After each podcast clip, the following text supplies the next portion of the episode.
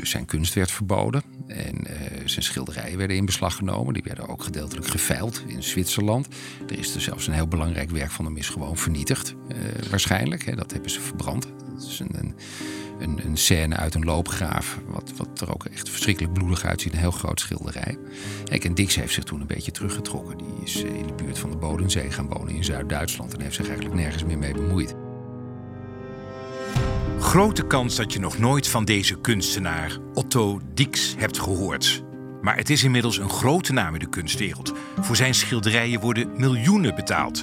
En met één van de schilderijen heeft de gast van deze aflevering een heel bijzondere band, die al ruim 30 jaar teruggaat.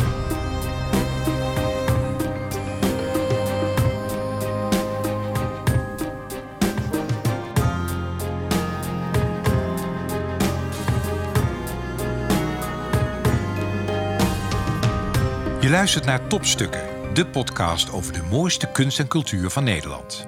Mijn naam is Albert Verlinde. In elke aflevering praat ik met een expert van een museum of een andere culturele instelling in Nederland en stel ik de vraag: wat is jouw persoonlijke topstuk?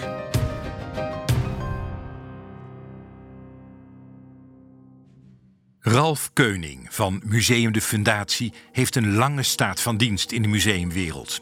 Zijn carrière begon in Berlijn, kort na de val van de muur.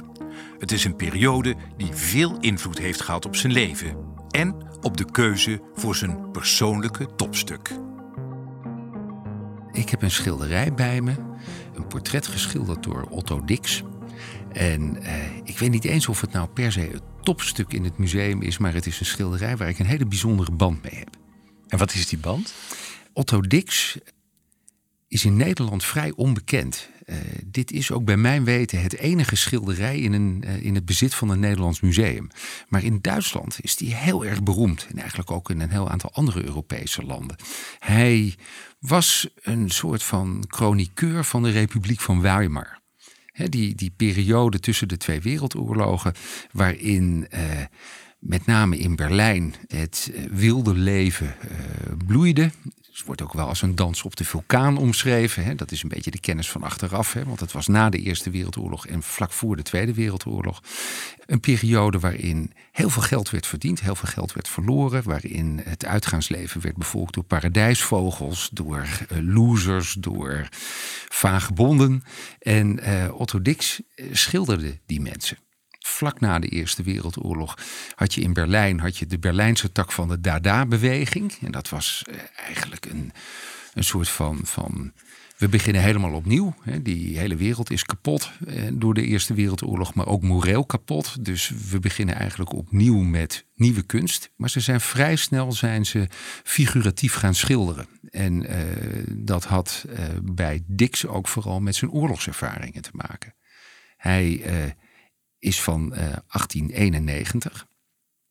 En uh, zoals heel veel jonge mannen toen de Eerste Wereldoorlog uitbrak, meldde hij zich vrijwillig. Hij wilde meedoen aan die Eerste Wereldoorlog. Dat is een sentiment dat kan je nou helemaal niet begrijpen. Maar als je bedenkt dat daarvoor Europa bijna een eeuw lang in behoorlijke rust is geweest. Het werd ook wel de Belle Époque genoemd. En na de slag om Waterloo in 1815 is er eigenlijk niet meer grootschalig oorlog gevoerd in Europa. Oh, dus iedereen dacht, we gaan even oorlog doen. Ja. Daar meld ik me voor aan, want ik sta voor hij dan de Duitse zaak of ja. de Engels voor de Engelse. En dat lossen we even op en dan is het klaar. We klauteren op een wit paard en we gaan erheen. En er zullen vast wel doden vallen, maar we zullen met roem overladen terugkeren. Nou, dat was natuurlijk een heel ander verhaal waar ze in terecht kwamen. En uh, Dix die heeft in de loopgraven gezeten in, uh, in Frankrijk. En heeft uh, na de Eerste Wereldoorlog ook zijn, zijn oorlogservaringen geschilderd en getekend. Ook in een grafische map uitgebracht, de Kriek. En heeft vooral ook die afschuw van die oorlog laten zien. Dus aan de ene kant het oorlogsgeweld de doden, de ellende. En aan de andere kant die eh, apocalyptische paradijsvogels eigenlijk uit de Republiek van Weimar. En dat dansen op de vulkaan. Dat was heel elementair aan zijn oeuvre. Hij was eigenlijk, hij stond midden in zijn tijd, zeg je, zeg je feitelijk. Ja. Uh, en een tijd die voor ons allemaal ontzettend belangrijk gebleken is. Uh, de hele eerste helft 20e eeuw Duitsland. Wat is jouw topstuk? Waarnaar kijken we? Hoe ziet het eruit? Wat is het? Het is een echte militair. Het, het, het is een, een, man met een, een, een dik gezicht, rood aangelopen, dik gezicht. Je vermoedt een vrij ernstig cholesterolprobleem als je naar hem kijkt.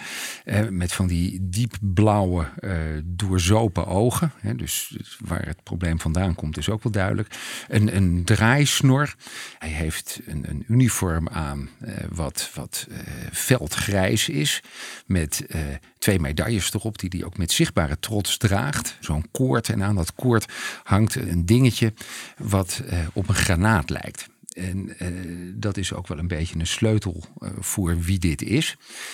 wat opvalt aan het werk is dat het heel gedetailleerd geschilderd is. Vooral het gezicht. Maar dat de achtergrond weer behoorlijk ruig is. En, mm. en somber bijna. Ja, somber, maar met vaart geschilderd. En dat wijst ook wel heel erg eh, op, op de status van dit werk in dat oeuvre van Dix. Want uh, Dix had op de kunstacademie gezeten in Dresden. Uh, daar werden ze heel klassiek werden ze daar opgeleid. Eigenlijk met als voorbeeld Albrecht Dürer, de vroeg renaissancistische Duitse schilder, die ongelooflijk gedetailleerd zijn schilderijen maakte. Nou, dat heeft Dix geleerd. Maar toen hij afgestudeerd was, toen begon die Albrecht Dürer toch ook maar een beetje een, een ouderwetse dat hoort erbij te vinden. Hè? Dus je hoort afstand te nemen van de generatie die je geïnspireerd heeft. Absoluut. Hè? En, en dat was ook precies het moment waarop eh, Vincent van Gogh eigenlijk bij deze jonge generatie kunstenaars bekend werd. Hmm. Van Gogh was al dood, maar hij begon, een, dat begon echt een kunstenaarskunstenaar te worden. En die kreeg navolging. Dus Dix heeft uh, heel expressionistisch gewerkt in deze periode. Eigenlijk is dit portret nogal atypisch voor Dix. Althans, voor de levensfase waarin hij het schilderde. Hij is dan nog maar 26 jaar oud en maakt vooral realistisch en heel precies werk. De ruige manier van schilderen in dit portret zal hij pas 20 jaar later echt omhelzen.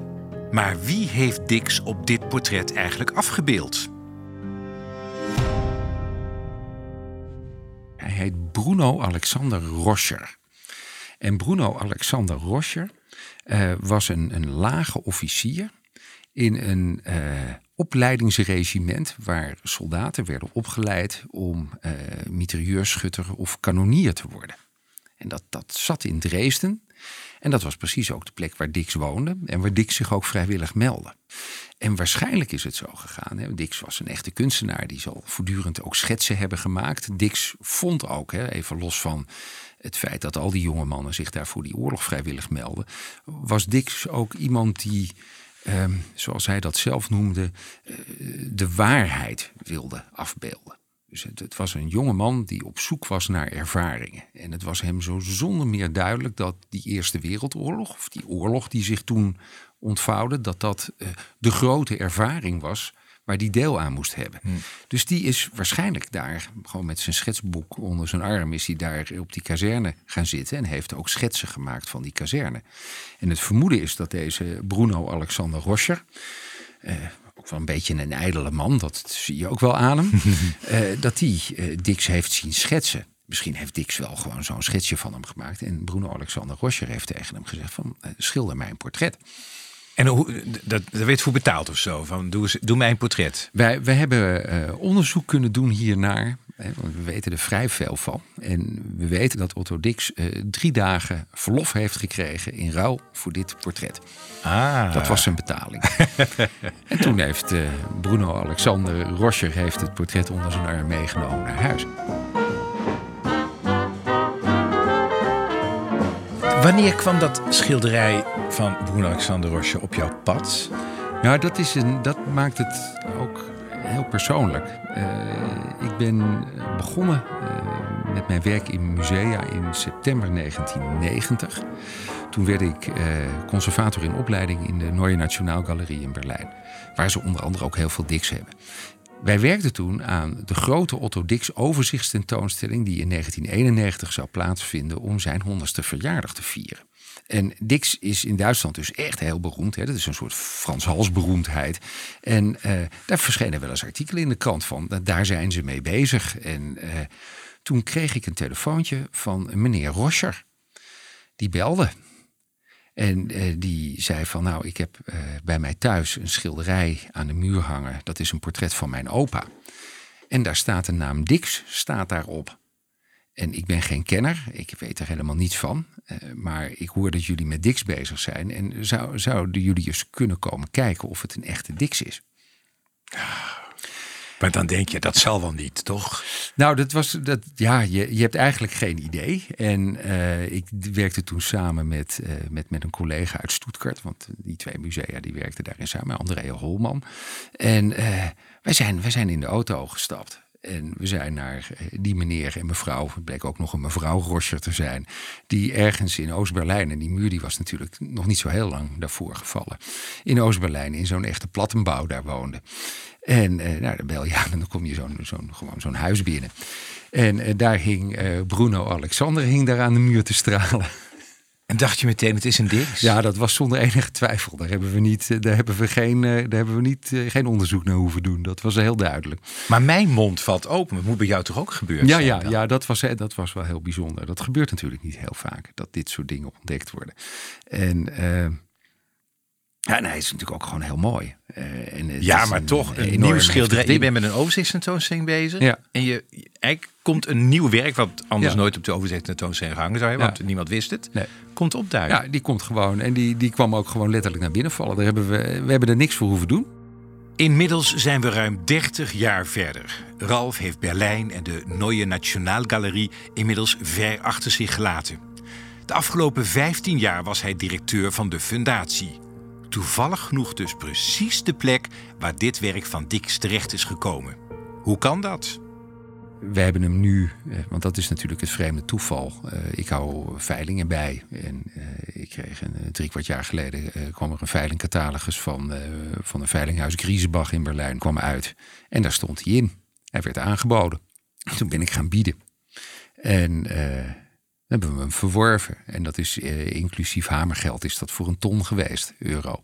Wat ik eerlijk gezegd uh, een heel erg redelijk bedrag vind ja. voor een, een, werk van deze kwaliteit. Er zat ook echt een heel vreselijke moderne lijst zat eromheen. Dus ik heb samen met Michel van der Laar hebben we heel erg goed nagedacht hoe zo'n Rocher hem zou hebben ingelijst. Dus we hebben er een hele mooie uh, ruwhouten lijst omheen uh, laten maken. Die een beetje met bronsverf is ingevreven. Zodat, die, uh, zodat het is eigenlijk een soort poermens statieportret. Hè? Want dit ja. was een kleine officier, die had helemaal niet veel geld. Die heeft ook gewoon in natura betaald. Met een uitgaansbonnetje voor, uh, voor Otto. Maar het moet voor jou toch kicken zijn dat je 1991 een, een dik ziet hangen, eigenlijk ontdekt voor een overzicht tentoonstelling. En later, omdat je heel waakzaam bent met, met veilingen, dat het je lukt om hem binnen te slepen voor de fundatie. Ja, dat, dat is ontzettend leuk. En, en het mooie is ook dat hij heel goed bij ons past. Omdat we veel werk uit die periode hebben, ook van andere kunstenaars. We hebben veel grafisch werk van George Grost. We hebben John Hartfield. We hebben ook de Nederlander Paul Citroen, die in Berlijn geboren is en in die periode ook verbonden was eigenlijk in deze kring.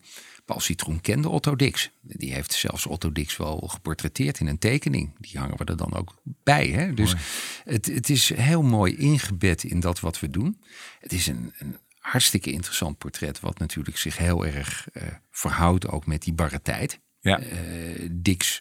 Nou, wat ik zo maar, want wanneer is dit geschilderd? Het is 1915 geschilderd. Ja, wat ik bedoel, je ziet een man heel trots kijken, terwijl we ook wel weten dat die oorlog voor die ouderwetse militair, wat hij een beetje uitstraalt, is natuurlijk een dodelijke oorlog geweest. Want dat, wat hij, waar hij voor stond, ja. dat stond op punt van uitsterven eigenlijk, ja, letterlijk en figuurlijk. Ja, dat keizerrijk was natuurlijk daarna weg. En ja, de, de enorme trauma's die daar in die loopgraven zijn opgelopen. Hè. Otto Dix die heeft ook gewoon zijn hele leven aan PTSS geleden. En heeft dat, daar ook schilderijen van gemaakt. Hè, die... Uh, daarna door de nazi's weer werden gezien als een soort van communistische propaganda en anti-oorlogsstemmingmakerij. Uh, waardoor uh, Otto Dix ook weer entarterd verklaard is. Dus zijn kunst werd verboden en uh, zijn schilderijen werden in beslag genomen. Die werden ook gedeeltelijk geveild in Zwitserland. Er is er zelfs een heel belangrijk werk van hem is gewoon vernietigd. Waarschijnlijk. Hè, dat hebben ze verbrand. Dat is een, een, scène uit een loopgraaf, wat, wat er ook echt verschrikkelijk bloedig uitziet. Een heel groot schilderij. Kijk, en Dix heeft zich toen een beetje teruggetrokken. Die is in de buurt van de Bodensee gaan wonen in Zuid-Duitsland. En heeft zich eigenlijk nergens meer mee bemoeid. En is in de is midden jaren zestig is die overleden. En, dus die, die grote waarheidsstrijder die die was. En die ontzettend stoere Republiek van Weimar schilder. Die echt ook, ook een hele knappe man, een hele stoere man. Die is, die is ook, ook echt een beetje zo, zo, zo weggedreven eigenlijk. Ook al leidde Dix op latere leeftijd een teruggetrokken bestaan, hij heeft wel flink wat erkenning gekregen. Zowel in Oost- als West-Duitsland is hij een grote naam. En ook in de rest van de wereld is hij geliefd. Zijn werk wordt wereldwijd geëxposeerd en is opgenomen in de collecties van belangrijke verzamelaars.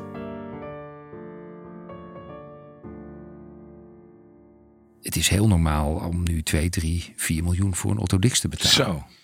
Ja, dus dit was een koopjaar. ja, hadden we mooi, hadden we echt geluk mee.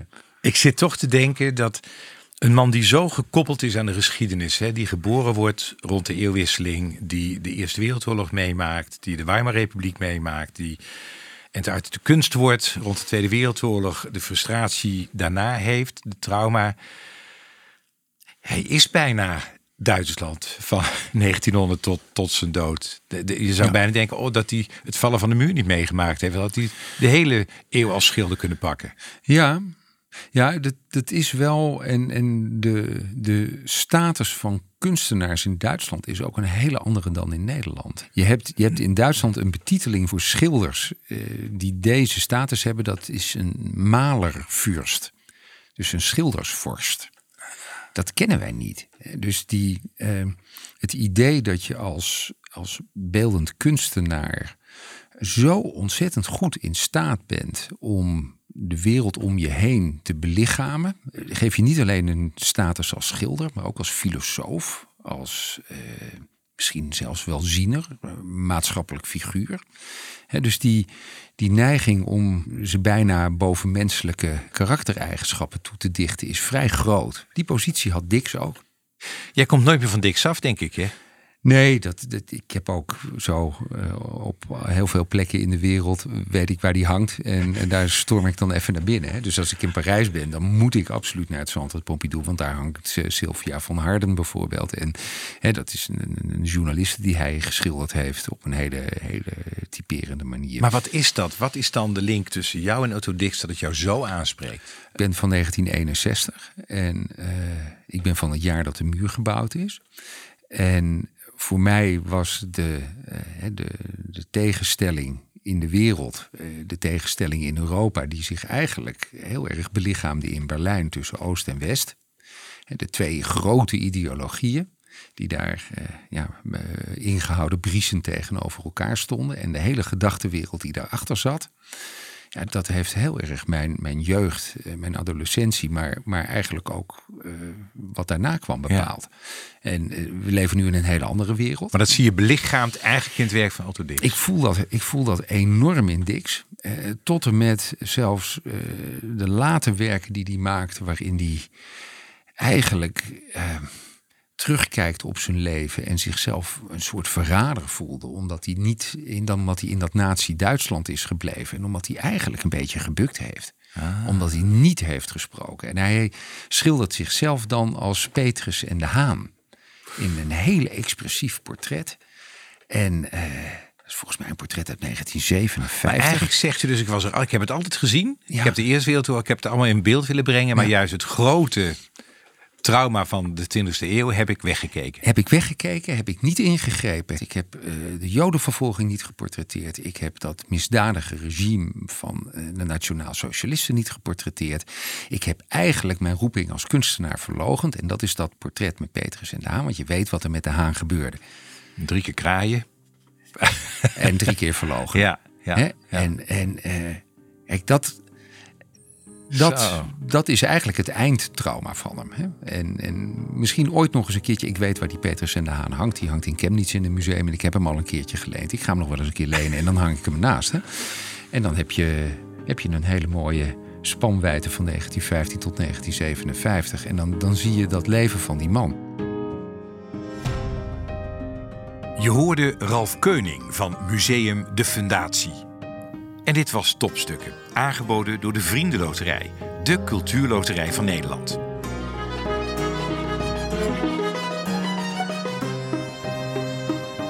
Mijn naam is Albert Verlinde, ambassadeur van de Vriendenloterij. Ik ben er trots op dat wij cultuur steunen in heel Nederland, dankzij onze deelnemers. En als je meespeelt in de Vriendenloterij, ontvang je een VIP-kaart waarmee je korting krijgt op de leukste uitjes en gratis ruim 125 musea kunt bezoeken. Dus ook Museum de Fundatie in Zwolle.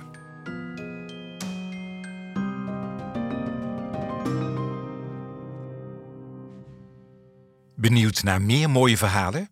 Abonneer je dan gratis op Topstukken in je favoriete podcast-app of ga naar topstukkendepodcast.nl.